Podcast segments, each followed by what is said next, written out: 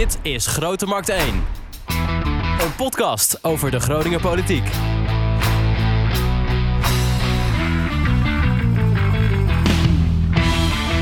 Leuk dat je luistert naar aflevering 10 alweer van Grote Markt 1. Mijn naam is Wouter Holsappel en tegenover mij zit Echo van Oosterhout. Dag Echo. Goedemorgen, Wouter. En te gast vandaag is Tweede Kamerlid van de PvdA, Henk Nijboer.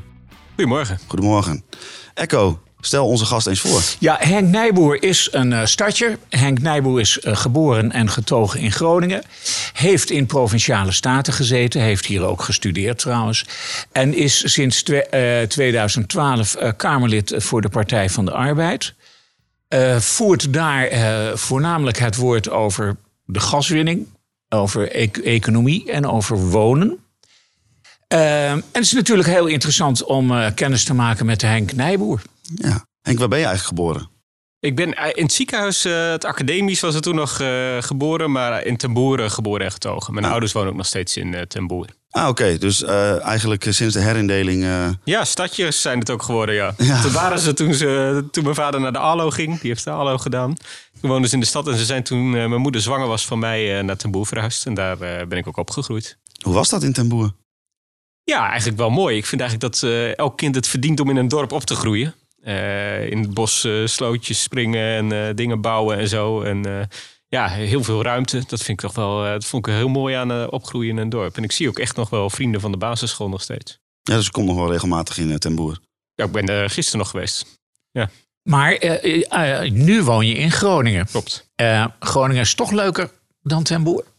Ja, ik vind Groningen ook uh, een geweldige stad. En wat er ook wel meespeelt is dat uh, door het werken in Den Haag... Uh, waar ik heel veel met de trein heen en weer reis... vind ik het wel makkelijk als ik s'avonds laat de laatste trein heb... of om half één op het station aankom... dat ik dan ook naar huis kan lopen. En dat is ook wel een belangrijke reden geweest... dat ik voor Groningen stad heb gekozen en niet voor een dorp. Al trekt altijd het platteland nog wel. Ik ben eigenlijk benieuwd, wie is Henk Nijboer? Op een gegeven moment heb je een keuze gemaakt om in de politiek te gaan. En dat ook te doen voor de Partij van de Arbeid. Waarom die keuze? Ja, dat is wel een uh, goede vraag. Ik vond eigenlijk politiek al van jongs af aan interessant. Ik ben ook heel jong uh, statenlid geworden. Toen was ik 19 toen ik in de Provinciale Staten van Groningen kwam. En 29 toen ik in de Kamer kwam. Dus dat is best, best jong. en ik vond eigenlijk twee dingen belangrijk. Ik heb economie gestudeerd. Dus ik vond het heel belangrijk dat we een sociaal land zijn maar ook dat je het een beetje kunt betalen met z'n allen. Hè. Sterk en sociaal was toen de slogan van de PvdA. Dat sprak mij erg aan als student. En ik vind wat anders ook wel heel belangrijk. Op de middelbare school uh, uh, nou ja, kwam ik erachter dat ik homo was. En ik ben ook getrouwd met een man. En in die tijd kon je nog niet trouwen met een man. Toen ik op de middelbare school zat. Het komt pas vanaf 2001. En Job Cohen maakte dat toen mogelijk als staatssecretaris. En dat is voor mij ook wel een belangrijke drijfveer geweest om bij de PvdA voor de PvdA te kiezen. Die heeft onze partij heeft het toch mede mogelijk gemaakt. En dat is voor mij ook, zeg maar, naast alle financieel-economische dingen die ik in de Kamer veel doe. En wonen, wat heel belangrijk is. Ook die, zeg maar, de moreel-ethische kant van de politiek vind ik ook heel belangrijk. Je kunt echt het verschil maken in een mensenleven. En uit, uit wat voor gezin kom je dan? Ik ben gelovig opgevoed. Dus mijn ouders gaan ook nog elke zondag naar de kloosterkerk in uh, Ten Boer. Uh, en verder, uh, ja, een heel harmonieus gezin. Ik heb één zus je zusje noem ik haar nog. Maar ja, ik ben die, die is inmiddels ook uh, 34.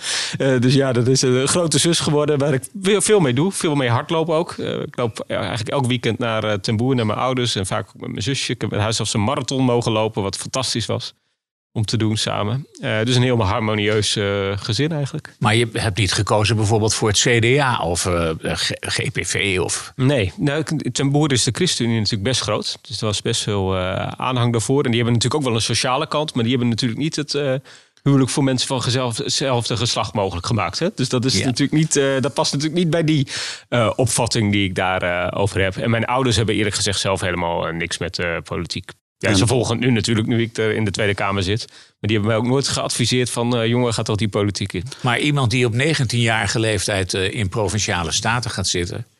dat is heel bijzonder, toch? Ja, ik vond het zelf ook wel heel uh, bijzonder. En ook wel heel mooi om te mogen doen. Dus ik heb er ook heel veel geleerd in die oude statenzaal van de ja. provincie... waar ik nu natuurlijk ook nog wel eens kom... Uh, waar de democratie in Groningen al, al nou ja, eeuwen denk ik al, uh, al vorm heeft gekregen. Dat is toch heel bijzonder om daar deel van uh, uit te mogen maken en mee te mogen praten. En toen hadden we ook nog 20 zetels van de 55, echt enorm. Een beetje anders nu. Eh, maar dat was wel heel bijzonder, ja. Je vertelt net eh, dat je dus uit de kast bent gekomen en dat je uit een christelijk gezin komt. Ja. Hoe, hoe was dat? Nou, mijn ouders, het is niet zo dat alle christelijke gezinnen dat niet, dat, dat niet wordt getolereerd. Hè. Die hebben daar nooit vanaf het begin af aan eh, ook maar eh, van gezegd van dat kan niet. Of die, die zijn er altijd heel open in geweest. En die hebben daar ook helemaal geen eh, punt van gemaakt. Die hebben me heel warm zijn ze daarover geweest. En daar was ik ook niet, had ik ook geen twijfels over van tevoren. Nou, mooi. Dat Die- kan ook, hè. Die, Ja. die provinciale staten, eh, ik kom daar wel eens niet zo heel erg vaak. Maar het is wel heel bijzonder, want het is een, eh, het, het is een hele hoffelijke en eh, gemoedelijke omgeving. Volgens mij verschilt dat totaal van de Tweede Kamer. Heb ik daar gelijk in? Nou, ik weet niet of die, of die, eh, die tegenstel, of toch zo hoffelijk en gemoedelijk, hoffelijk, eh, hoffelijk misschien een beetje. Maar in mijn tijd was Mark Calon lijsttrekker en Henk Bleker. Nou, die wisten ook wel een robbertje te vechten. Dus dat is een beetje de periode dat ik eh, in de Staten zat. Maar het is wel zo dat in de provincie is, zit je toch vooral te kijken van wat is voor Groningen nou de oplossing voor problemen. En in Den Haag, in de Tweede Kamer, worden ook verschillen uitvergroot. En dat heeft een negatieve kant, hè, dat je het veel over die verschillen hebt. Aan de andere kant, politiek gaat natuurlijk ook wel over grote maatschappelijke keuzes. Waar je heel fundamenteel anders over kunt denken. Ik, ben, ik, sta, ik sta een wereld, eh, staat er tussen mij en de PVV. Ja. Hè, dus daar kun je een beetje, dat is niet gemoedelijk. Nee, dat gaat echt over, zij discrimineren stelselmatig mensen. Ja, daar sta ik tegen op. Dat gaat recht tegen in waar alles ik in geloof in de politiek. Dus ja, dan, dan is het ook niet, ja, dat is ook niet de bedoeling dat dat, dat heel gemoedelijk is. Dat moet, je, dat moet je benoemen in de Tweede Kamer, vind ik. Ja, een statenvergadering die begint daar met iedereen gaat elkaar een hand geven. Ja. En tussen de middag eh, eten ze allemaal groentesoep. Ja, in mijn tijd nog broodje kroket. Is dat afgeschaft? Nee, nee eerst, groente, eerst groentesoep en dan een broodje kro- kroket natuurlijk. Ja, Dat, dat klopt. Dat valt me heel erg op. Dat, en dat is, eh, dat, dat is in de Tweede Kamer volgens mij totaal anders. Nou, dat weet ik niet door. De onderlinge verhoudingen, ook tussen partijen. Eh, ja, zoals in elke organisatie heb je de ene mag je meer dan de ander. Maar het is niet zo dat die heel slecht zijn hoor. Dat die stelselmatig slecht zijn. Dus dat is niet zo. Dus ook voor een vergadering eh, praat je best normaal met elkaar. Maar goed, als het over het inhoudelijke debat gaat, dan is het scherp. Ja, maar laten we zeggen, je krijgt natuurlijk met, eh, met de nieuwe partijen en het, de, op, het opkomend populisme, zeg maar, zijn ook in de gemeenteraad en bijvoorbeeld ook in de provinciale staten de verhoudingen links en rechts wel een beetje scherper geworden. Ja, dat denk Als ik ook. als ik dat zo van een afstand bekijk. Dat denk ik ook. En de vraag is hoe goed dat voor de stad of voor de provincie is. Hè? Als je rollenbollend over straat gaat, dan bereik je meestal minder eh, dan wanneer je samenwerkt. Ja. Ehm, hoe, hoe kwam de keuze om, eh, om, om eh, naar de Tweede Kamer te gaan? Hoe ontwikkelt zich dat? Je hebt een tijd gewerkt, ook het ministerie van Financiën. Dat klopt. Dus ik heb eh, vier jaar in de Provinciale Staten gezeten. Toen heb ik me ook wel echt met het financieel-economisch beleid van de, van de Partij van de Arbeid eh, bemoeid in die tijd ook. Hè. Toen mocht ik meedenken over hoe bestrijd je de werkloosheid, hoe gaan we met de crisis om. Nou, al dat soort vragen. Ook Wouter Bos was toen eh, partijleider in die tijd. Die kende ik ook goed. Dus daar, dacht ik ook eh, veel over mee. En toen ben ik bij het ministerie eerst bij de Universiteit Leiden gaan eh, werken om promotieonderzoek te doen. Wat ik overigens niet heb afgerond. Want ik ben voortijdig in de Tweede Kamer gekomen. En later ook bij het ministerie van Financiën vier jaar lang. En daar dacht ik echt mee over nou ja, het begrotingsbeleid. Hoe kun je, nou hoe kun je de economie beter maken, eerlijker maken, fatsoenlijker maken. Eh, en ja, dat werd op den duur werd dat eh, zo gezien door de partij dat ze mij eh, op een, eerst op een 39ste plek zetten onder Job Cohen. Toen kwam ik er niet in. In 2010 en in 2012 op de 13e plek op de lijst. En toen mocht ik direct financieel woordvoerder worden in de grootste financieel-economische crisis die we tot dan toe hadden. En Dus toen- inmiddels nog weer overtroffen door de coronacrisis. Maar toen was dat de grootste crisis. De En toen hadden we ook de- eh, Rutte 2, toch? Zeker, Ja, zeker. eh, eh, wa- waar de Partij van de Arbeid aan meedeed. Ehm, Ja, als een van de twee partijen. als, is ja, ja, ja, nee, weet je wat mij altijd eh, geïntrigeerd heeft? Bij de presentatie van het kabinet Rutte 2, eh, eh, er moest een brug slaan. Stond, stond Rutte naast Diederik Samson voor een foto van een brug. Dat klopt. En op de brug lag geen dek. Je kon er niet overheen lopen. Dat vond ik zo symbolisch eigenlijk. Snap? Achteraf wel. Achteraf wel. En die brug kwam ergens vandaan. Hè? Dus we kwamen uit een tijd in 2010, daar sprak ik net al even over, dat we een gedoogkabinet hadden van VVD, CDA en PVV.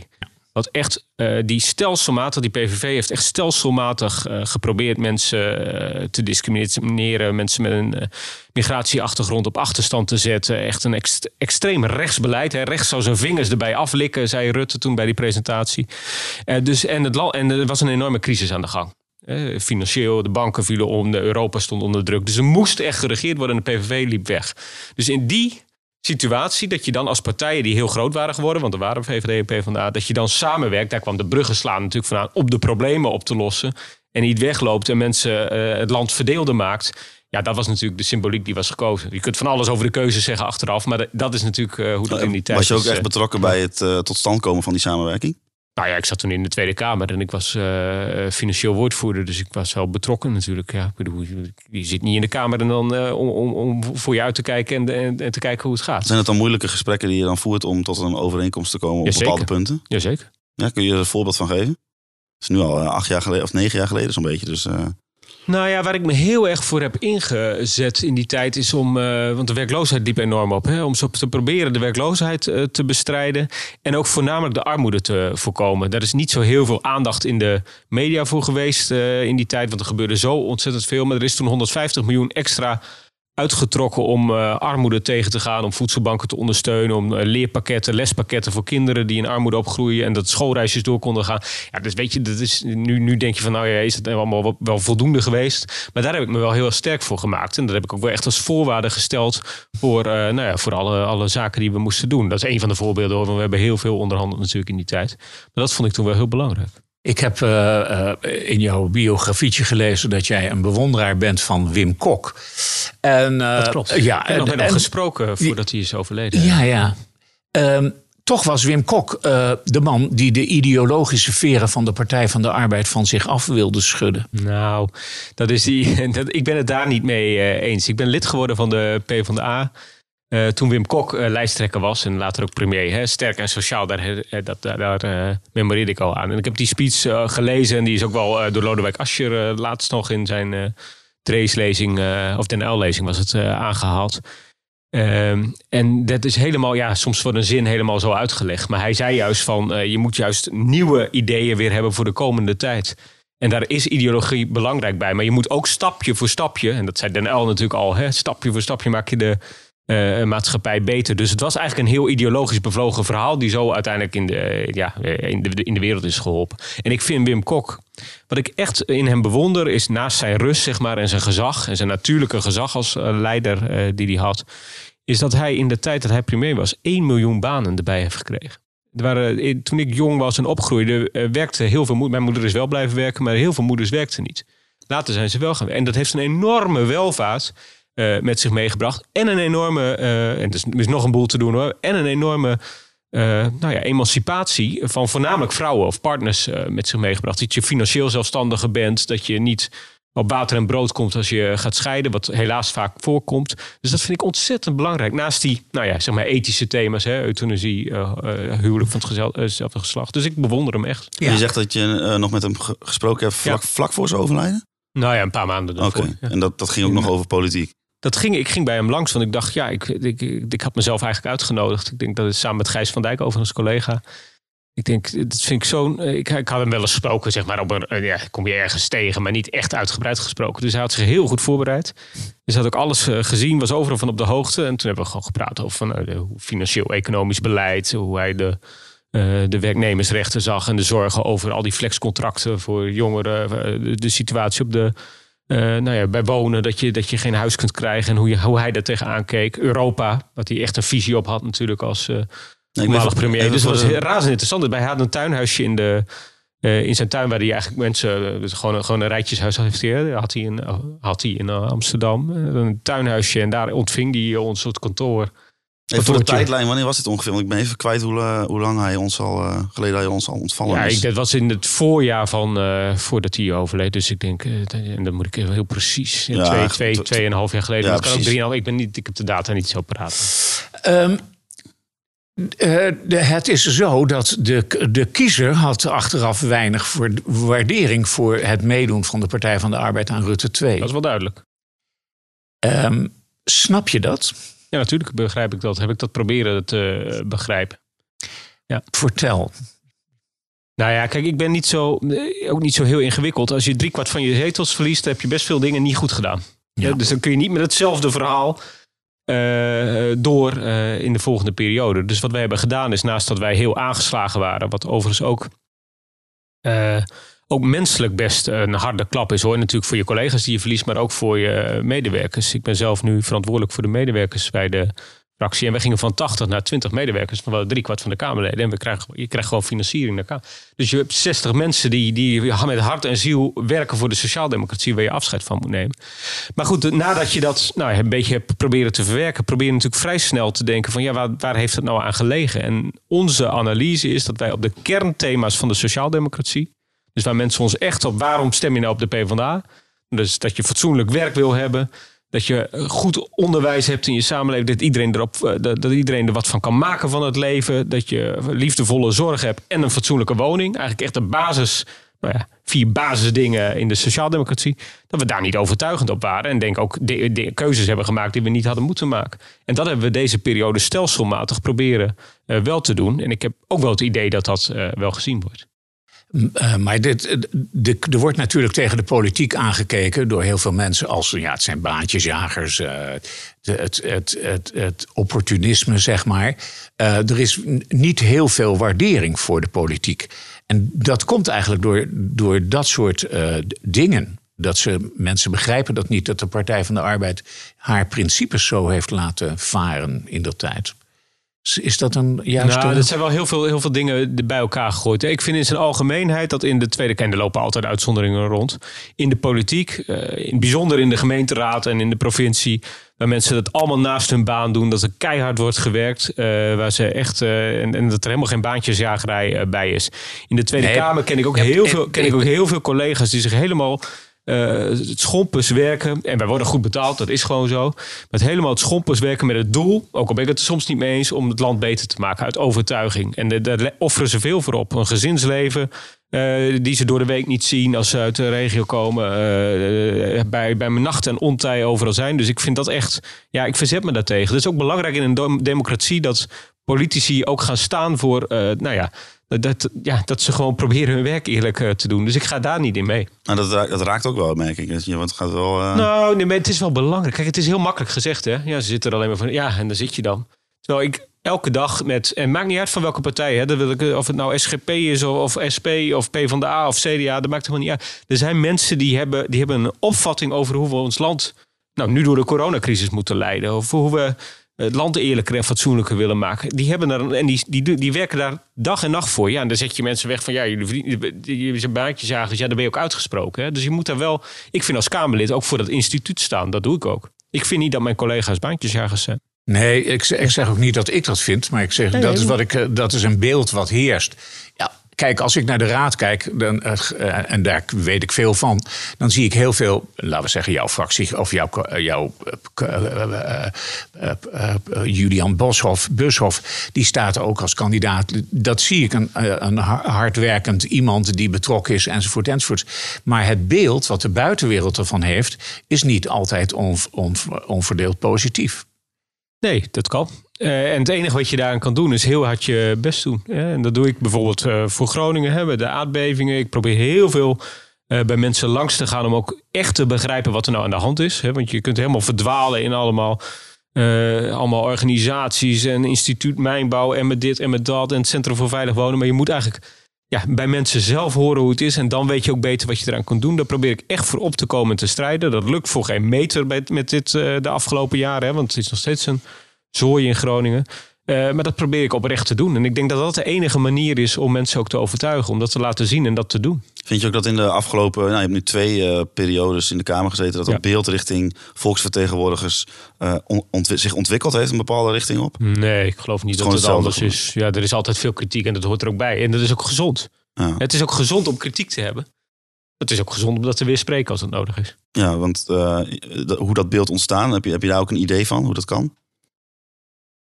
Nou ja, ik vind dat beeld. Kijk, je kunt alles opgooien. Je kunt ook zeggen, dat sommige mensen hebben heel veel waardering en, uh, en zijn heel. Dus, dus Eh, dat, weet, dat weet ik niet. Ik probeer gewoon zelf gewoon mijn werk zo goed eh, mogelijk te doen. En, en Groningen echt goed te vertegenwoordigen. En inhoudelijk op wonen en financiën mijn werk goed te doen. En daarmee mensen te overtuigen. Dat is hoe ik het doe. En iedereen heeft daar natuurlijk zijn eigen werkwijze en keuze in. En, ja, en mensen mogen er ook van denken wat ze willen. Dat is ook mooi van democratie. Daarom hebben we 17 maand verkiezingen. Dan kunnen ze het weer tot uiting brengen.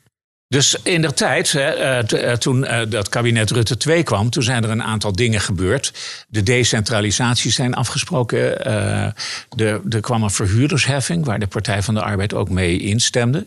Ik, als ik Roeland van der Schaaf hier in de, in de gemeente spreek, die gaat iedere keer gaat die fulmineren tegen die verhuurdersheffing. Ja. Het is ook heel gek. Het is eigenlijk niet uit te leggen waarom corporaties wel belasting moeten betalen over hun ontvangen huur. Maar particuliere beleggers hoeven daar geen belasting over te betalen. Dat is toch heel gek? Dat is niet uit te leggen, dat ben ik met je eens. Dus wij willen ook van die verhuurderheffing af, zodat er meer uh, betaalbare huren, uh, huurhuizen gebouwd kunnen worden. En sterker nog, ook die andere kant. Hè, de PvdA is voorstander van een Prins Bernhard belasting. Niemand heeft 590 woningen nodig uh, om te verzamelen. Heb jij die bedacht? Die heb ik bedacht. Ja, ik zat in de verkiezingsprogrammacommissie. Maar de naam ook van de...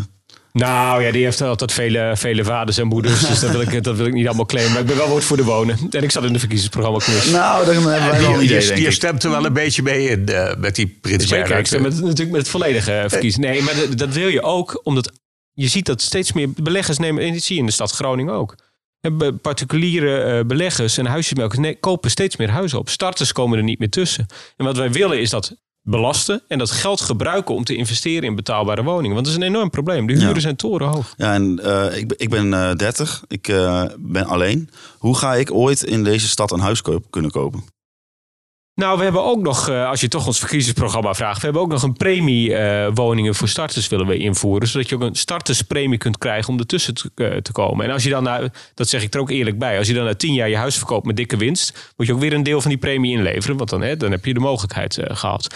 Dus dat is ook wat wij, wij willen. We willen ze helpen en we willen ook ja, de huren gewoon reguleren. Ik heb, daar ben ik wel trots op. Vorige week is een initiatiefwet van mij aangenomen in de Kamer. Mijn tweede in de periode, dus zo vaak gebeurt dat niet. Het is ook ontzettend veel werk waar de excessieve huurstijgingen wettelijk worden verboden. Dat is echt een hele grote stap. Uh, dus daarmee wordt het gewoon ook betaalbaarder. En gisteren werd bekend dat de huren, sociale huren bevroren worden. Ja. Dus uh, uh, heb jij daar nog ook bemoeienis mee gehad? Zeker, dat is een motie van, van Sandra Bekkerman, mijzelf en Paul Smulders van GroenLinks. Dus was ons, met z'n drieën hebben we dat initiatief genomen. Dus, dus dat is hartstikke goed. Je hebt gisteravond wel een borreltje opgedronken. Nou ja, nou ja, bij wijze van spreken. Ik ben eigenlijk bijna fulltime op campagne op het moment. Maar, uh, maar, maar, bij wijze van nee, ben ik wel blij om. Het is natuurlijk wel een beetje gek dat dat zo een maand voor de verkiezingen gebeurt. Hè? Ik bedoel, er is en, en 8,5 miljard voor onderwijs en, en die huurverlaging. Ja, ik denk dan wel van, we zijn er al ja, jaren voor aan het strijden. En dan een maand voor de verkiezingen gaat de VVD in één keer uh, ja, dat waren die andere, andere stemmen. Ja, hoe geloofwaardig ben je dan voor de huurders, denk ik dan. Maar goed, we zijn blij met dit. Uh, ik zal niet de andere drie waren er niet zo blij mee, dacht ik. Uh. Nee, die waren ook boos. Dat snap ik ook wel. Want de VVD hield, het, hield ze eerst onder water om Aldo tegen te stemmen. De CDA, ChristenUnie en zo hebben Aldo tegengehouden. Hè, huurverlaging. Hebben echt moest, moest. en dan gaat de VVD overstag en die gaat... Ja, dus ik snap wel dat zij boos... Maar goed, dat is verder hun probleem. Daar meng ik mij niet in. Hey, uh, Ronald van der Schaaf die is ook een enorme pleitbezorger van uh, de woonplicht.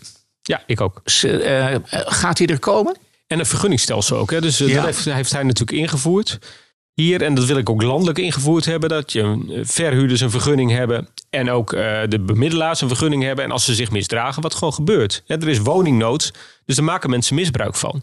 Dat je die ook kunt intrekken. Eerst boetes opleggen en daarna ook kunt intrekken. Net zoals we dat ook bij café-eigenaren doen die, die, die niet deugen.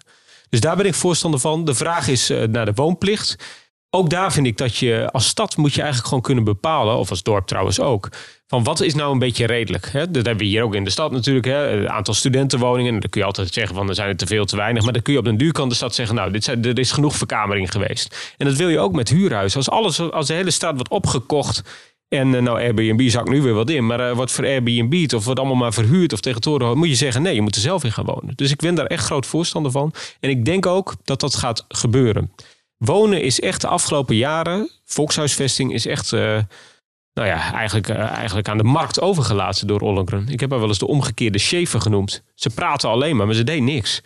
En dat heeft echt desastreus uitgewerkt. Dus in de Kamer heb ik de afgelopen vier jaar steeds geprobeerd om de aandacht voor dat probleem dakloosheid verdubbeld, eh, huizen onbetaalbaar, eh, huren, huren reizen de pan uit, om daar wat aan te doen. En ik denk wel dat in de Kamer daar nu een meerderheid voor is om daar wat aan te doen. En dat dat bij de formatie ook een groot onderwerp wordt. Is dat iets van de afgelopen vier jaar of was dat tijdens de periode dat jij eh, onderdeel was van de coalitie ook al aan de hand? Nou, daar kun je verschillend over denken. Kijk, toen ik in de Kamer kwam, stonden een miljoen huizen onder water. Ja, als je dan scheidde, je moest van je huis af, dan had je een enorme schuld. Dat was toen echt een enorm probleem. Nou, dan was je echt blij als iemand je huis wil kopen hoor. Dus dat was wel echt anders dan nu. Dus ik vind dat je ook daar, en daar heb ik ook Ollengren wel op aangesproken. Ja, dan moet je wel wat aan doen. Nu, als je nu, nu, nu al die huren zo hoog zijn, doe er dan wat aan. En als als er zo weinig huurhuizen worden gebouwd. En we hadden over de dat was een tijdelijke maatregel, hè, een tijdelijke crisismaatregel. Die was over. De crisis was over.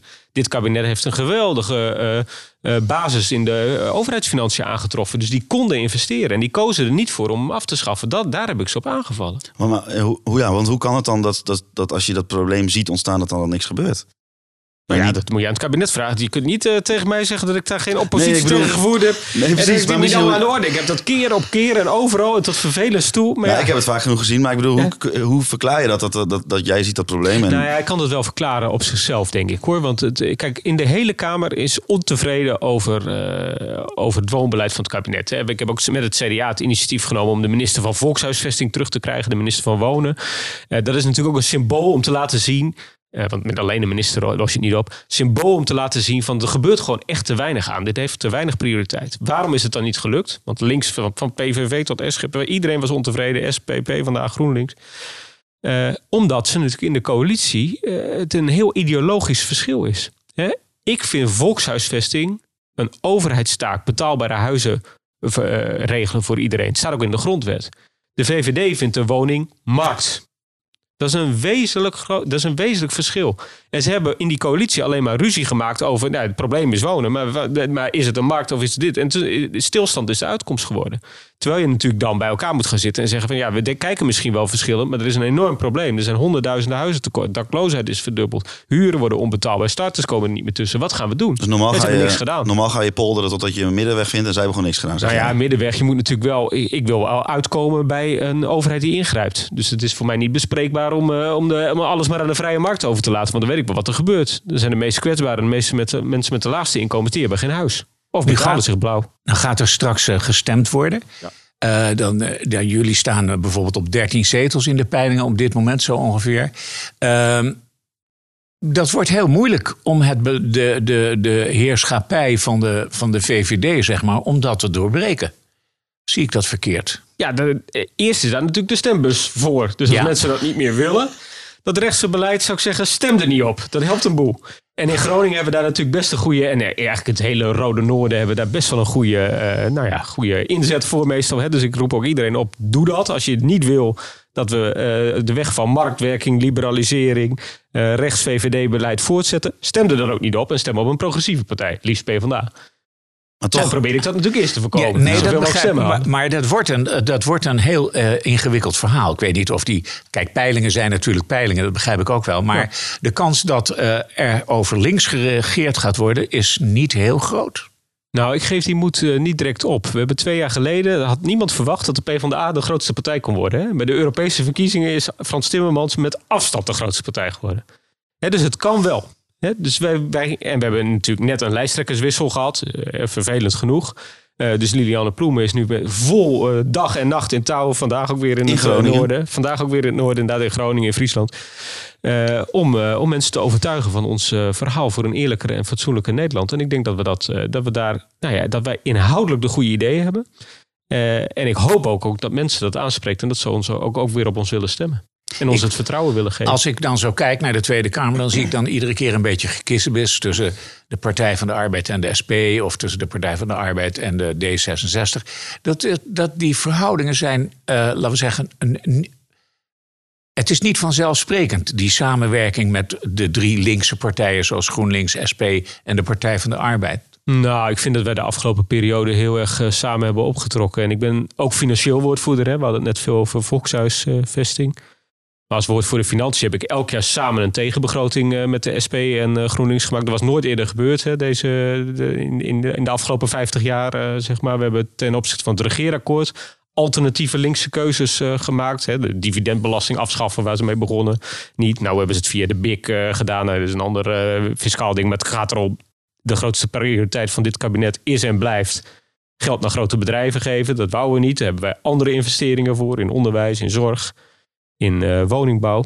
En, en, daar hebben we samen opgetrokken. En dat hebben we nog nooit eerder gedaan. Hè? Dus ik zou ook zeggen, wij kijken naar inhoudelijke samenwerking. En ik vind al die strategische praat ja, daar ben ik ook niet zo'n zo'n liefhebber van, want het leidt ook vaak tot niks. Dus ik vind, als je kijkt wat wij inhoudelijk hebben laten zien, en dat gaat ook voor die motie over huren, hè, die vorige week is aangenomen, hebben we ook met z'n drieën gedaan. Motie van PvdA, GroenLinks en SP. Sandra als eerste indiener hoor, dus die heeft hem ingediend. Maar dat, dat, werkt uitstekend samen. Als je, durf je een, een voorspelling te doen, welke kant het op gaat? Ik, ik wil dat heel graag alvast formeren. Ja, ik doe dat meestal nadat, uh, de, sterker nog, dat, dat kan ook niet anders, nadat, nadat de verkiezingen zijn geweest. Uh, nee, ik heb wel, ik heb wel eh, hoop en ook wel vertrouwen in een uh, progressieve lente. En ik gun het ons land ook zo. Een progressieve het lente? Het zou, het zou zoveel mooier zijn als we de, de lente progressief en niet met een rechtskabinet dat, dat verdeeldheid vergroot. Dat we daar niet mee eindigen. En ik denk ook dat Nederland er niet op zit te wachten. Bedenk je die dan net de plekken, de progressieve lente? Nou, ja, we zitten gewoon in gesprek, toch? Ja, ik vind het mooi namelijk. Ik, vind het, uh... ja, ik denk, voorjaar komt het was een beetje blauw. een snelle formatie, hup over links. Nou, ik ben heel benieuwd. Ja. Zou ik voorstander van zijn. Maar hoe is het eigenlijk uh, nu? Want uh, we hebben het al even gehad. Er ligt hier voor mij uh, ligt een postertje waar jij met Julian Bushoff op staat. Ja. Dus het is het toch even wat anders dan met de rozen op straat. Hoe gaat het campagne voeren ondertussen? Nou, dat zijn we natuurlijk wel. We doen heel veel digitaal zoals iedereen. Hè? dus maar we, we, hebben bedacht, weet je, we willen toch zichtbaar zijn en ook zoveel, zoveel mogelijk toch gesprekken hebben, terwijl dat niet allemaal fysiek kan. Hè? Want ik wil niet mensen met een roos ja, tijdens corona, ja, dat, is gewoon, uh, je wil niet zo dicht bij mensen komen. En dan moet je er helemaal, dat, dat vind ik geen uh, pas geven. Uh, dus wat we hebben nu hebben gedaan, je hebt inderdaad de, poster voor je, daar staat ook nog wat op. Dus die krijgen mensen huis aan huis. Of een deel in ieder geval. Een stukje en, reclame. en ja, zeker, dankjewel. Hartelijk dank. uh, maar deze hebben we bij alle leden van de PvdA, wat, wat toch een, een, paar duizend zijn in de provincie, die kunnen dat achter het raam hangen. En we hebben gisteren de eerste acties, zijn net klaar. Dus daarom heb ik ze ook meegenomen. En die zijn, zijn groot, joh. Ik dacht, niemand wil die grote dingen hebben. Dus die waren echt. en Julian ook. Dus wij liepen daar met die dingen een beetje beschaamd. Want je staat er zelf natuurlijk op. Ja, je moet ook op campagne, maar je loopt toch een beetje zelf.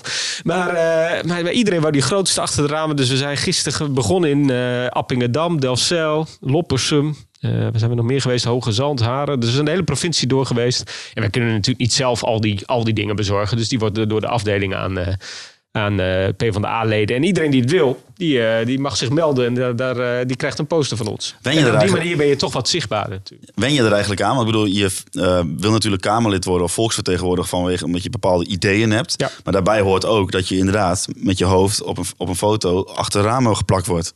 Nou ja, dat gaat natuurlijk niet. De, wat belangrijk is, denk ik, is dat je beseft dat het niet om jezelf gaat.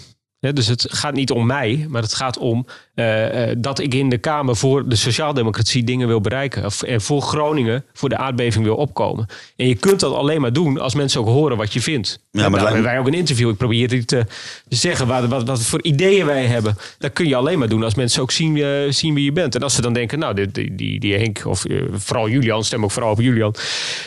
dat vind ik iemand die ik dat toevertrouw, mijn stem. Dan is dat natuurlijk hartstikke mooi. En maar, dan, zit, dan ga ik in de, in de Kamer proberen die idealen te bereiken. Ik zeg, zeggen dat natuurlijk wel logisch, maar ik bedoel meer van, hè, leeft het soms ook een soort ongemak op dat je, dat je denkt van, ja, sta ik weer met mijn hoofd vooraan, maar ja, ik wil wel mijn ideeën uh, vertellen. Ja, het hoort erbij, hè. Ik bedoel, als je, niet, uh, als je, als je, bang, als je bang bent voor interviews, moet je niet in de Tweede Kamer gaan zitten. Nee, natuurlijk. dat is waar. Nee. Uh, zowel jij was heel jong toen je in de politiek ging, met name in provinciale staten, maar ook als Kamerlid was je nog redelijk jong. Datzelfde geldt voor Julian. Ja. Is dat een Groningse kwaliteit? Jong? Denk ik wel. We zijn ook een studentenstad, hè. Ja. Dus ik vind het heel belangrijk, heb ik ook altijd in de staten en ook in de gemeentepolitiek, als ik daar dan, uh, nou ja, als ik iets, iets daarvan mag zeggen, vind ik het heel belangrijk dat jonge talenten uh, kansen krijgen. En dat vind ik ook passen bij, bij, een, nou ja, bij een studentenstad. Maar dat vind ik ook in Veendam hebben we dat. En ook in Winschoten. Dat is belangrijk dat je jonge mensen uh, kans geeft om zich ook met de democratie en de toekomst van de samenleving te bemoeien. En de PvdA heeft dat stelselmatig gedaan. En dan zie je ook, uh, ik kwam in de Staten, waren we met twintig man, vertelde ik al even. Hè, toen waren vier jonkies. Laura Broekhuizen bijvoorbeeld, hè, die wethouder van Oldambt is, uh, die is net gestopt. Die zit nu bij een woningcorporatie, maar die was wethouder van Oldambt. Die is tegelijkertijd met mij gestart. Ook nog andere. Dus ja, dat, dat dan geef je mensen ook de kans om, eh, om daarin te groeien. En dat vind ik wel belangrijk. Ja. Als we het- als is we het goed voor de politiek. Als we het nou hebben over Groningen, wat zijn dan, jij gaat als Groningers eh, straks eh, naar de Tweede Kamer toe. Wat zijn dan. Nou, de- eerst nog drie zetels halen. Nou ja, dat lukt me nog wel. Dat denk ik ook wel. Dat, dat zie ik niet. 30 wordt lastiger met drie gaan halen. Ja, en nou, eh, Julian maakt natuurlijk ook een, eh, best wel een aardige kans. Ehm, hoe, wat neem je mee? Wat, ga je, wat zijn nou de belangen, de Groningse belangen die jij gaat behartigen daar in Den Haag? Nou, ik vind het belangrijkste voor Groningen is het aardbeving. Ja. Dat vind ik echt onvoorstelbaar. Het leed dat er nog steeds is. En de, de, de- dat het voor geen meter opschiet eh, om daar recht aan te doen en daar toekomst te bieden. Ja, dat heb ik afgelopen vier jaar. Dat is ook mijn grootste frustratie dat dat zo slecht eh, loopt. Dat vind ik het belangrijkste. Wat verder belangrijk is, is dat Nederland meer is dan de Randstad. Er zat toch best wel een eh Randstadkabinet de afgelopen jaren. Dus elke Dat- keer de- moet je weer als vechten ik, voor als ik, mag, als ik even mag interveneren. Er zit al jarenlang, eh, eh, laten we zeggen, als je gaat kijken naar de rijksbegroting, het grootste gedeelte van de rijksbegroting, veruit het grootste gedeelte.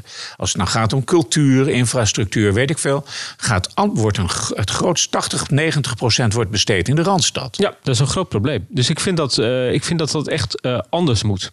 En ik heb me ook, ook in de periode eh, dat we in de regering zaten, bijvoorbeeld enorm verzet tegen de sluiting van de gevangenis van Ter Apel. Die we gewoon voorgenomen was. Hè. Dus al dat soort. Dat, zijn, ja, dat is wel 300, 400 banen die daarmee eh, gered zijn. En wat was echt een voorstel wat op tafel eh, lag.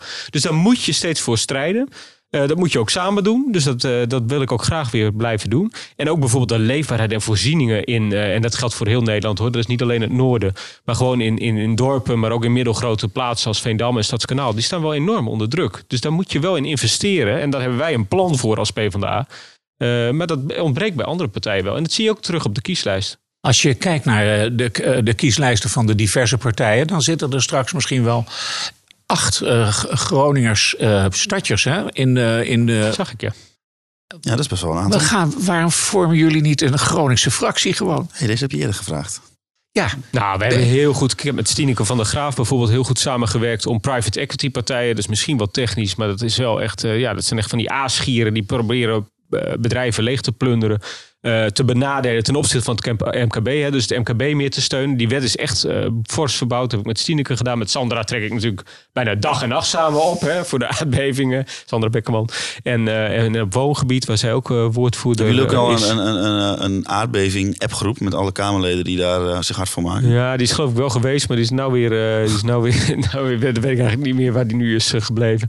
Maar ja, dat is, met appgroeps red je het land ook niet. Hè. Het gaat uiteindelijk wel om stemmen. Ja, precies. Ja. Maar het, het is wel, jullie, jullie vormen wel een blok, zeg maar, wat dat betreft. eh. Nou, ik, ik- met Sandra vorm ik wel een blok. Maar dan heb ik de, de appgroep Sandra en Henk. Hè, maar eh, maar eh, de, ik hoorde hier dat er eigenlijk nog wel meer mensen bij aan mogen sluiten. Dus eh, Nou, ik vind dat er echt met aardbevingen Groningen gewoon in de steek is gelaten de afgelopen jaren. Ja. Kijk, Wiebes heeft eerst gezegd van het is een eh eh, falen, overheidsfalen van on-Nederlandse proporties. Iets in die trant, Ja. zei hij. Ja, en wat heb je dan vier jaar later, hoe staat het er dan bij? Dan moet je toch doodsgaan? is het onwil of is het onkunde? Nou, het is misschien nog wel meer onkunde, maar dat betekent wel dat je niet weet wat er echt nodig is. Ik heb zelf, we hebben een motie van wantrouwen gesteund tegen Wiebes. Hè? Dat doe ik niet lichtzinnig. Ik bedoel, er zijn partijen in de Tweede Kamer die dienen elke week een motie van wantrouwen in. Dat doet de PvdA echt niet. Ik heb dat toen gesteund, omdat hij de hele. Eh, eh, toen met Hans Alders, die had met al die dorpen en al die mensen had hij afspraken gemaakt. Hè. Die is bij iedereen langs geweest. In Ter Bos gaat er dit gebeuren, in Loppersum gaat er dat gebeuren. En dat trok Wiebes gewoon eh, de stekker uit. En die zei gewoon, nou ja, we zetten alles on hold, we zetten alles stil. En dat heeft twee jaar lang, is iedereen weer in onzekerheid, terwijl we al jaren zaten te wachten. En toen heb ik gezegd, dit kan niet. En daar luisterde die niet naar. Ja, dat was ook onwil. En de, laten we zeggen, er waren heel veel, en dat is nog steeds zo. Er zijn heel veel loketten waar die mensen, de slachtoffers van de bevingen, naartoe moeten. Heel veel loketten eh, waar ze langs moeten. Bovendien is er een parallel met de toeslagenaffaire. Mensen worden wantrouwend benaderd het. als, als, als zijnde oplichters, Zo is het. profiteurs. hoe kun je dat door- doorbreken? Nou, door mensen wel het eh, vertrouwen te geven. En ik vind ook dat eh, dorpen. Ik ben bij heel veel geweest. Hè, dus ik ben bij Krewet geweest, in Ter Post geweest, in, nou ja, overal in de provincie geweest. En mensen weten, als ze even beseffen, beseft hebben dat het nou eenmaal moet, best goed wat ze met de toekomst van hun dorp willen. Waar het dorpshuis moet komen, of de scholen wel of niet samen in één gebouw eh, gaan. Eh, wat, eh, wat er met het kerkje moet gebeuren. Hoe wat er met die woning moet gebeuren. Maar ze krijgen die ruimte niet. En ze lopen ze helemaal vast. En dan wordt de ene helft van de straat die, krijgt, die, wordt zo behandeld. De andere helft van de straat zit in een andere procedure. Dan hebben sommigen nog funderingen waar niks aan. Ja, dat is ongekend dat dat niet, Maar- eh, ge- niet gewoon gebeurt zoals mensen dat zelf willen. Ik Zoals heb- het zelf willen. Ik heb me door, een, door iemand laten vertellen dat de, de, de, het, het kabinet ben- benaderd, niet eensgezinds benaderd wordt vanuit het noorden. Dat er eh, verschillende belangen zijn. Dat de, dus de verzoeken vanuit het Groningse, zeg maar, dat zijn diverse, allerlei diverse verzoeken. En dat, vanwege daarom is die verdeeldheid. Hm, Ja, maar ik vind echt wel. Kijk, je kunt. Ik ben heel terughoudend. Er is altijd wel kritiek mogelijk natuurlijk. Maar heel terughoudend met nou, nou wethouders die elke dag met hun bewoners in de weer zijn.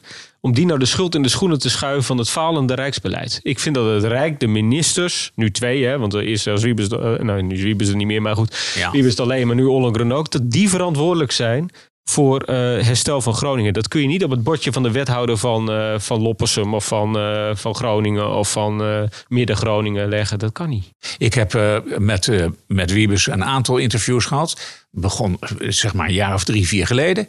En iedere keer zou er één loket komen. Maar dat is niet zo. Meer loketten, steeds meer loketten. Ja, ja, maar ook bij één loket, als de verkeerde dingen gebeuren, ben je nog steeds ver van huis. Hè? Dus wat het probleem is, dat, dat heb ik ook nog weer vorige week in het debat eh, met Bas eh, in het Woud eh, naar voren gebracht. Ehm, je moet uitgaan van mensen en hun eigen huis. En zij gaan uit van, je hebt een schadeprocedure, je hebt een herstelprocedure en we gaan de funderingen nu ook nog apart bekijken. En dat betekent dat mensen drie keer hun eigen huis overhoop moeten halen. En het enige wat je maar hoeft te doen is en vertrouwen geven. En mensen eh, bekijken vanuit de mensen wat hebben zij nodig. En dat gebeurt nog steeds niet. En dat gebeurt ook niet met onze monumenten. Dat gebeurt ook niet met onze oude boerderijen. En dat is een, een, een kansloze exercitie zoals dat nu wordt vormgegeven. En dat, dat stemt mij wel heel droef. En ik, nou ja, we hebben volgende week een vervolg van het debat. Dan zal ik ook proberen dat nog eh, te amenderen. Hè, zoals dat in de wet gaat. En met moties bij te sturen. Maar ja, het is een beetje trek aan het dood paard met deze Maar waar, waar komt dat vandaan? Dat komt vandaan uit allemaal procedure denken. Dus niemand mag meer krijgen dan. eh, dingen. dat komt vandaan van. Ja, we hebben deze procedure voor schade. Deze kunnen de organisaties anders niet aan. Een hele juridisch-technocratische eh, benadering. En niet een benadering op basis van vertrouwen. En op basis van. eh, misschien nog een ander aspect. Wat ik ook bij de kinderopvangtoeslag, hè, want ik ben ook woordvoerder belastingen. eh, ook zag. De Belastingdienst, ik trek even die parallel. De Belastingdienst heeft alle tijd. Tijd is voor de overheid nooit een probleem. Maar mensen in het leven gaat tijd door. Hè? Kinderen worden ouder, gaan uit huis, je gaat wel of niet werken. En bij de Belastingdienst, als je vijf jaar later toch onderaan de streep het goede bedrag overmaakt, is, het, is de zaak afgedaan. En dat geldt in Groningen ook. Dus met al die procedures kijken ze van ja, de uitkomst over vijf jaar vinden we hiermee optimaal. Maar de factor tijd, dat je dan vier jaar lang in onzekerheid zit, wordt helemaal niet meegewogen. En ik vind dus dat je ook andersom, je moet twee dingen doen. Vanuit mensen zelf kijken, wat is hun huis, wat hebben ze nodig? En twee, wat vind je acceptabel voor wanneer het duidelijk is voor mensen? En die moet je, dat laatste, dat wordt ook helemaal niet gedaan. En daardoor duurt het al het acht jaar la- na Huizingen zitten we hier nog steeds zo. Als je Maar nou- je zou zeggen, de, eh, de, de- die toeslagenaffaire is er geweest. Hè? De, de, eh, kijkt de Kamer naar zichzelf? Nou, ik was er voorstander van om in die ondervraging van die kinderopvangtoeslag ook de rol van de Kamer te eh, onderzoeken. Maar dat heeft, eh, heeft, heeft een aantal partijen geblokkeerd. En nu krijgen we Dus dat straks, vind ik niet goed. Nou, straks krijgen we de enquête over de gasbevingen. Ja. Eh, ga- gaat de Kamer dan wel naar een eigen rol Ja. kijken? Wordt de rol van de Kamer ook onderzocht. En dat vind ik ook terecht. Zit je daar expres niet in? Ja, het is wel gebruikelijk om woordvoerders niet eh, in die, in die enquêtecommissies eh, te hebben. Want dan onderzoek je ook deels je eigen rol. Al is dat de laatste jaren dus wel wat verschoven. Dat zeg je ook bij de kinderopvangtoeslag. En ik vind dat geen goede ontwikkeling. Want ik vind eigenlijk dat als je eh, ook als medewetgever een rol hebt. En ook als controleur van de regering. Dan is het goed om daar Kamerleden in te hebben die eh, nou ja, daar met afstand. En ook alles, alles kunnen concluderen wat ze maar willen. Zonder dat ze een eigen positie hebben gehad. Ik kan me voorstellen, dit is natuurlijk een van de belangrijkste onderwerpen die jij de afgelopen, waar je de afgelopen jaren mee bezig bent geweest. Als je dan op zondag eh, thuis zit en je bent niet aan het werk, kun je dan dit, neem je dit mee of kun je dit nog wel een beetje achter, eh, naast je neerleggen? Zeg maar? Nou, ik vind dat het bij, eh, dat hoort ook bij volksvertegenwoordiger zijn. Dat als je op een verjaardag komt, dat ook mensen bij je terecht kunnen. Dus als ik bij mijn ouders op de verjaardag kom, dan, mijn ouders hebben ook wel wat scheuren, maar dat is wel verholpen. Dus die hebben geen grote problemen nu. Maar Er zijn natuurlijk mensen die hun huis zien kapot gaan. En die helemaal... Dan hoor je daar wel voor open te staan. Dan, moet je niet, ja, dan kun je niet zeggen van ik ben nu niet aan het werk en ik wil het verhaal niet horen. Dus ik vind dat dat moet. Daar ben je ook volksvertegenwoordiger voor. Ja. Dus Maar- het is in- indringend. En eerlijk gezegd, als ik mijn eh, loopje doe eh, van Groningen naar Ten Boer, dat doe ik bijna elk weekend. Eh, en ik kijk om me heen, dan, eh, nou, is, ik geniet meestal heel erg van het landschap. Maar ik heb ook wel heel regelmatig dat ik denk van man, man, man, man, man, wat staat er hier, eh, wat een ellende eigenlijk. Maar is er dan nog een moment in je leven dat je wel gewoon ontspant? En... Ah, ja, natuurlijk wel. Ik kan zit- mijn telefoon wel uitzetten. ik ben niet de hele dag op verjaardagen. Nee, dat is het verschil. Maar hoe ziet dat er dan uit? Wat doe je dan als je even niet aan het werk bent? Nou, ik spreek graag met vrienden af, met familie. Ik loop dus hard. Eh, ik kijk ook wel eens een film. Het is in deze coronatijd of een, serie op Netflix. In deze coronatijd kun je ook niet veel anders. rennen, dus dat vind ik ook best leuk. En ja, ik ga ook wel graag eh, een keer een biertje drinken in de kroeg of in een restaurant zitten. Maar ook dat zit er de laatste tijd natuurlijk niet in. Maar dat je- vind ik wel gezellig. Heb met je favoriete kroeg in Groningen? Dat was altijd de Pintelier. Daar kwam ik vaak, maar die is een beetje veranderd. Dus dat, maar dat kom ik nog steeds wel, wel graag. Oké. Echo, waar kom jij eigenlijk graag? Nou, ik kom ook wel in de Pentelier maar ik, en in de Woldhoorn kom ik. En ik. Maar ik zit graag ook op terrasjes en dat maakt me niet Ook. zoveel uit. Dat, eh, de, dus. Nog even iets anders. Ehm, de- het gaat nu over, dat, eh, over de, de Lelylijn. En eh, de, dit is van de week ook over gesproken. In, het gaat over de infrastructurele werken in de stad. We hebben natuurlijk de Zuidelijke Ringweg. Enorme overschrijding. Wat vind je nou? Moet de minister eh, de provincie en de gemeente Groningen te hulp komen bij eh, het de tekorten op de Zuidelijke Ringweg? Vind je dat eh, de provincie mag putten uit de RSP-pot? Vind je dat dat kan? Ja, ik vind wel dat het allemaal lang duurt en dat het opgelost moet worden. We, zitten daar in die enorme bouwput en het schiet maar niet op en de financiën schieten maar niet op. Nou, het houdt een beetje bij te kijken hoe ze dat nou precies per potje verdelen. Dat vind ik niet eens het belangrijkste. Maar ik vind wel dat het Rijk veel meer eh, moet investeren, ook in de regio. En daar hoort dit ook bij. Dus of je nou die ring, ringweg hier nou eh, uit het regionale potje en het Rijk financiert de N33 of je doet het andersom, dat zou mij eerlijk gezegd niet de grootste zorg zijn. Maar ik vind dat wel echt eh, belangrijk dat dat Maar- meer gebeurt. maar er hoort natuurlijk ook de nu wordt wordt de Neder-Saxe lijn. Ja, daar wordt dus nu op gekort. Omdat Ja, dat begrijp ik. Dus Ja. ik vind dat er meer rijksgeld naartoe moet. En hoe je het dan uiteindelijk verdeelt. Ja, dat is ook een beetje zwarte pieten natuurlijk. Van wie, wie komt nu met die rekening? Nou, ik vind prima als het Rijk erbij aan bijdraagt. Maar dat, dat vind ik niet het belangrijkste. Ik vind het belangrijkste dat het Rijk veel meer investeert in de regio. En je zegt er net eh, de Lelylijn. Ja, Ik heb en de- de Neder-Saxe lijn. En de niet. van eh, Emmen richting Stadskanaal, als het goed is. Zo is het. En dan door naar Groningen. Door naar Groningen. Maar eh, ik heb laatst het lijsttrekkersdebat van het Noorden gekeken. En dan hoor je ze eigenlijk allemaal zeggen van... eh, ja, die Lelylijn komt. Ja, die Lelylijn komt. Maar ja, is, kan dat eigenlijk wel? Waarom kan dat niet? Dat is is dat politieke niet keuze. veel te duur? Nee, dat vind ik niet. Ik vind, eh, kijk, die Zuiderzeelijn was natuurlijk heel lang discussie over. Dat werd een beetje groot door die magneetzweefbanen. Die heeft het een beetje afgelegd. Maar dat, dat je niet fatsoenlijk door de polder, zoals je wel met de auto kunt, met de trein kunt. Dat is eigenlijk, eh, dat is uit 1880 of zo is dat. Hè? Dus dat, je kunt, je kunt, we hebben nog het spoor uit 1880. En dat is gewoon heel belangrijk. En niet alleen voor de stad Groningen. Ook voor de regio Groningen-Assen, maar ook bijvoorbeeld voor Drachten, eh, voor Heerenveen, dat natuurlijk wel een station heeft. Maar dat voor de ontwikkeling van de steden. Als je wil dat er een miljoen huizen in Nederland komen, dan zullen die toch een beetje bij openbaar vervoerknooppunten moeten komen. Als je niet wil dat het hele platteland wordt volgebouwd. Dan heb je zulke soort ruimtelijke ordenende investeringen nodig. Daar ben ik groot voorstander van. Ben ik overigens altijd al geweest, ook in de staat al. Tijdens dat debat wilden ze hem nog niet aftikken. Nou ja, wij wel. Aan ons heeft het niet gelegen. Eh, Lilian Ploemen heeft daar een eh, stevig punt van gemaakt. Over, en, en ook van de Neder-Saxe lijn. Hè? Niet alleen maar van die, eh, Ja. van die leden. Dus ook zeg maar. Het is ook niet zo dat bij Groningen het hele noorden ophoudt. Hè? We hebben ook nog. eh, we hebben ook Delfzijl. We hebben ook eh, Winschoten. We hebben ook eh, de dorpen in de ja, Groningen en er, er is natuurlijk nog steeds een idee om dat ding door te trekken naar Bremen. Internationale spu- spoorverbindingen zijn ook Maar belangrijk. Echo, Zeker jij, als je minder wil vliegen, is dat, ook belangrijk. Ja, ja, Jij ja. bent ook wel sceptisch toch, Echo? Over, over de, de, de, de, de mogelijkheden? En Nou, die spoorlijn komt er. die spoor, nee, ik, ben, Spoorlijn het- komt. ik, ben, ik denk dat, het, de- dat er weer er komt op een gegeven moment weer zo'n RSP-pot. Dan heet die waarschijnlijk anders, maar dit heet regio-specifiek pakket. Eh, Er was compensatie voor het niet doorgaan van de Zuiderzeelijn. Nou, nu is iedereen lekker gemaakt met van we gaan de Lelylijn aanleggen. Ik betwijfel dat. Als ik alleen al kijk naar het stukje op het Ketelmeer, waar die, dan, dan moet eh, een tunnel gegraven worden. Nou, kijk naar de zuidelijke ringweg, hoeveel problemen dat allemaal geeft. Jongen, jongen, ik vraag het me ernstig af. Dat zich- mag ook. Maar ik, denk, zich- ik denk dat een land geen toekomst heeft als het niet investeert in, eh, in eh, snel openbaar vervoer. Dat is echt nodig. Ja, maar er zijn Dat natuurlijk andere. nodig. Je kan natuurlijk eh, afbuigen bij kampen en dan ga je gewoon eh, naar Hogeveen. Ah, Ja, goed, over al die technische... Ja, laten we de- laten we de landkaart er even bij snel- ja. Ik bedoel, of, waar wel of niet een tunnel. Ja, ik kan wel net doen of ik daar de grootste expert ben van, eh, van Nederland. Dat is ook op zichzelf best het ambacht van Kamerlid om net te doen of je Ja, er een verstand van hebt. Maar het gaat er natuurlijk om dat er een snelle verbinding komt. En dat je ook bereid bent daar politiek in te, ook in te investeren. En dat is een politieke keuze. En heb je dat er wel of niet voor over? Ja, maar dat begrijp ik. Maar bijvoorbeeld die lijn, de suggestie die ik nu doe, is eh, via Kampen en dan eh, naar Hogeveen. Dat, dat is minder kostbaar en dus eerder haalbaar. Ja, Denk- maar ik vind ook Friesland. Dus ik vind dat en Drenthe, en daar is die Neder-Saxenlijn belangrijk voor. Dus ook investeren in bestaand sporen. hè, Want in Meppel eh, dat loopt het ook allemaal vast. En Friesland en Groningen beter verbonden moeten worden. Dus ik denk dat beide moet gebeuren. En dan hebben we natuurlijk nog eh, G- Groningen is een studentenstad. Ja. Wat heeft de Partij van de Arbeid in eh, de aanbieding voor al die studenten? Nou, allereerst eh, het sociaal leenstelsel weer herinvoeren. Dus eh, zoals het nu is, eh, dat leenstelsel, eh, de basisbus weer herinvoeren, dat leenstelsel afschaffen.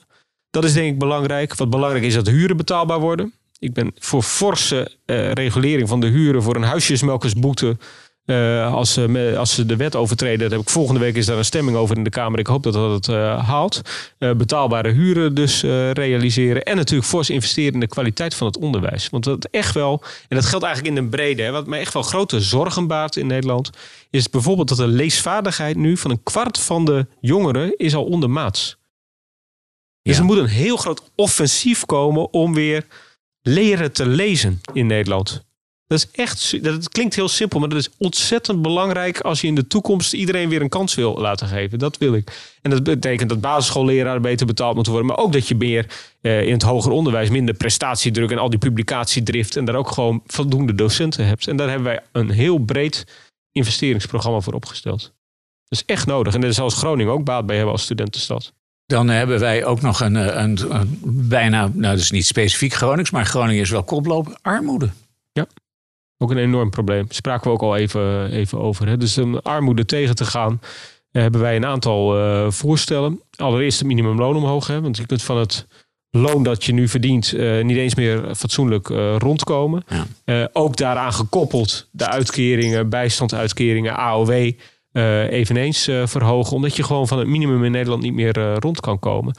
En daarbij, specifiek voor kinderen en voor mensen die langdurig in de armoede zitten, eh, toch veel meer ondersteuning. Ik, als ik eh, de stemwijzer eh, invul, dan krijg ik al één vraag van het, de bijstand moet meegroeien met het minimumloon. Die snap ik nooit zo goed. Nee, is dat niet... eh, dat is, ik, ik, ik weet- ik weet dan niet zo goed waar ik dan om- voor moet, moet kiezen of zo. Dan denk ik van, waarom, waarom zou ik iets moeten vinden? nou, wat de rechtse partijen doen, die willen soms nou echt... eh, Soms willen ze het minimumloon niet verhogen. Nu ze met de toeslagen afschaffen, willen ze dat te compenseren. Maar dan heb je per saldo natuurlijk nog niks, hè. Want je verliest je toeslag over het minimumloon. En je krijgt dan wat hoger minimumloon en dan blijf je even arm. Eh, en zij zeggen dan, nou die uitkeringen die houden we gewoon op hetzelfde niveau. Want dan blijft het verschil tussen werken en, eh, en niet werken even groot. En wat wij willen, is als je het minimumloon fors verhoogt, wat we willen, wat we zullen we ook laten zien in de doorrekening. Hè, daar ben ik nu ook mee bezig. Het CPB rekent de verkiezingsprogramma's door. Zullen we ook laten zien dat we het minimumloon fors verhogen, maar ook de bijstand, de uitkeringen, hè, dus de arbeidsongeschiktheidsuitkeringen en de AOW die daar ook aan gekoppeld is. Ja, precies. Nou, dan weet ik in ieder geval nu we- weten welke ik aan moet klikken. Ja, en nou, Nou, eh, misschien. Wij, wij kijken nog een beetje zo eh, op afstand naar Den Haag. En we zien natuurlijk al dat gedoe met corona enzovoort enzovoort. Er worden enorme eh, bedragen, eh, nou ik zal niet zeggen uitgedeeld. Want het is gek om het zo te zeggen. Maar De- de- deze laatste maand is het bijna uitdelen. Ja, nou, dus de staat geeft ongelooflijk veel geld uit. Baart jou dat als woordvoerder financiën nou zorgen? Laten we zeggen, loopt het. We krijgen weer een begrotingstekort van heb ik jou daar. Ja, nou, wat me, de, de, economische crisis baart mij zorgen. Dus ik ben bang dat de werkloosheid eh, op gaat lopen de komende tijd. Nu worden natuurlijk eh, veel bedrijven nog gesteund, maar komen wel steeds verder in de knel. Eh, en je zult zien dat de werkloosheid op zal lopen en dat mensen hun baan dreigen te verliezen. En daar moet je een plan voor hebben om dat te proberen zoveel mogelijk te voorkomen. De overheidsfinanciën zelf. Kijk, we kunnen een klap hebben. We hebben buff- buffers opgebouwd in het verleden. Eh, dus je kunt die klap wel eh, opvangen. En ik denk dat het veel belangrijker om uit de e- financieel-economische crisis te komen, is om te investeren in goed onderwijs, in goede openbaar vervoerverbindingen, in fatsoenlijke woningbouw. Eh, dat dat veel belangrijker is en mensen aan het werk te houden. Dan dat je nu eh, je helemaal blind staat op bezuinigingspakketten. Wat eh, bijvoorbeeld CDA en VVD willen. Oké. Ehm, even over de toekomst. Ehm, hoeveel zetels, ben je, bij hoeveel zetels ben je tevreden? Bij 30 ben ik tevreden. Bij 30. Daarvoor, Daaronder niet. Nou, dan bij 28 eh, teken ik ook voor. En daarnaast, wat ik me ook nog wel heel erg afvroeg, is: eh, je bent nu dan acht jaar eh, Kamerlid geweest, als het goed is. Negen misschien, als je het een beetje. Ja, 8,5. acht en half. Eh, wordt het niet een keer tijd om, om mee te doen en een, en een bestuursfunctie te, te bekleden? Nou, ik doe volop mee hoor. Ik, ik, ik heb niet het idee dat ik nergens aan meedoe de afgelopen jaren. Nee, ja, ik, heb, ik, ik wil echt weer graag Kamerlid worden. Ja, Ja. En wij, kijk, de PvdA wil graag regeren. Want daar kun je het meeste bereiken van je idealen. Dat bereik je meer dan in de oppositie. Al kun je in de oppositie ook wel wat bereiken. Maar dat doen wij alleen als wij eh, echt fundamenteel het beleid kunnen bijstellen. Oké, maar als je, als je nou. echt, eh, ehm, de- nou ja, en dan zien we wel. eh, is ik ga dan even, ik ga even Als een hypothetisch beeld schetsen. De, de PVD, PvdA die gaat mee regeren en eh, eh, de- die veranderingen kunnen. Wil je dan eh, eh, minister van Wonen worden, van Economische Zaken of uh, aard, aardbevingen? Ja, maar dat is die vraag. Dat, dan- dan zou je die vraag krijgen en dan zou ik het alleen doen als je echt wat kunt bereiken. Dus, niet, eh, dus dan, dan wil ik echt iets waar ik denk van, nou, daar sta ik als politicus voor, daar sta ik als sociaaldemocraat voor. En dan zou ik het kunnen bereiken. Maar goed, er moet eerst die vraag gesteld worden. Welke, doen. welke concessies zijn nou gewoon onbespreekbaar? Als ik, ik plaats het dan in het licht van Rutte 2, zeg maar. Welke concessies zijn onbespreekbaar? Nou, het minimumloon moet echt omhoog, omdat het bestaans, eh, bestaanszekerheid van mensen echt onder druk staat. Dat is ook de kern van wat wij, hè, dat je van je werk, van je baan, dat is ook veel meer dan alleen geld. Hè, dat je daarvan kunt leven en kunt rondkomen. Daarom vind ik die basisbanen van Carine hier ook eh, zo goed. Dat is voor ons wel, hè, en de koppeling dus aan de uitkeringen, dat is voor ons wel echt een, eh, een onbespreekbaar punt als dat niet zou gebeuren. Zijn er nog meer van die onbespreekbare dingen? Nou, er zijn een heleboel dingen die wij natuurlijk. eh, je, kunt, je zult ook aan volkshuisvesting echt wat moeten doen. Je kunt dat niet op zijn beloop laten. Je zult in het onderwijs moeten investeren. Want eh, anders kachelen we achteruit als, eh, als samenleving. Dus er moet een heleboel gebeuren. Maar ik ga hier niet een hele lijst met breekpunten form- formuleren. Ik vind wel dat mensen erop moeten kunnen vertrouwen dat als je op ons stemt, dat we dat ook waarmaken. Maar je En dat, bent eh, daar eh, mag je mij ook aan houden. je bent, ik, zoals, ik, zoals ik al begon, je bent al acht jaar eh, Kamerlid. Maar als Ja. ik het zo hoor, dan kan het nog, gaat het nog wel even door. Ik heb er weer zin in, anders had ik me niet gekandideerd. Ja, maar is dat en ik sta waar- natuurlijk ook op een prachtige plek. Hè. Trouwens, Julian ook, hè, op, op 13. We hebben twee Groningers. Waar ik echt, ik vind Julian ook een fantastische vent. Dus ik ben eh, hartstikke blij dat we daar, dat we daar zo, zoveel vertrouwen hebben gekregen van de partij in ieder geval. En we vechten nu natuurlijk voor het vertrouwen van de kiezer. Maar is dat nou iets wat je nou nog 15 jaar zou kunnen doen? Nou, ik bekijk gewoon elke vier jaar eh, met je welnemen. Maar ik heb er nog veel plezier in. Ik ben nog lang niet. Ik heb ook geen enkele twijfel gehad of ik, eh, of ik eh, nog een periode door wou. Omdat je gewoon in, in de Tweede Kamer, is toch het hoogste ambt in onze democratie. Hè? Een van die 150 kunt zijn waar je echt invloed kunt hebben op de samenleving, op de keuzes die worden gemaakt. En of we nou, ook de regio het belang geven die ze verdienen. Oké. Nou, we spreken met je af. Als jullie mee gaan regeren, dan kom je terug. Vanzelfsprekend. Nou, heel fijn.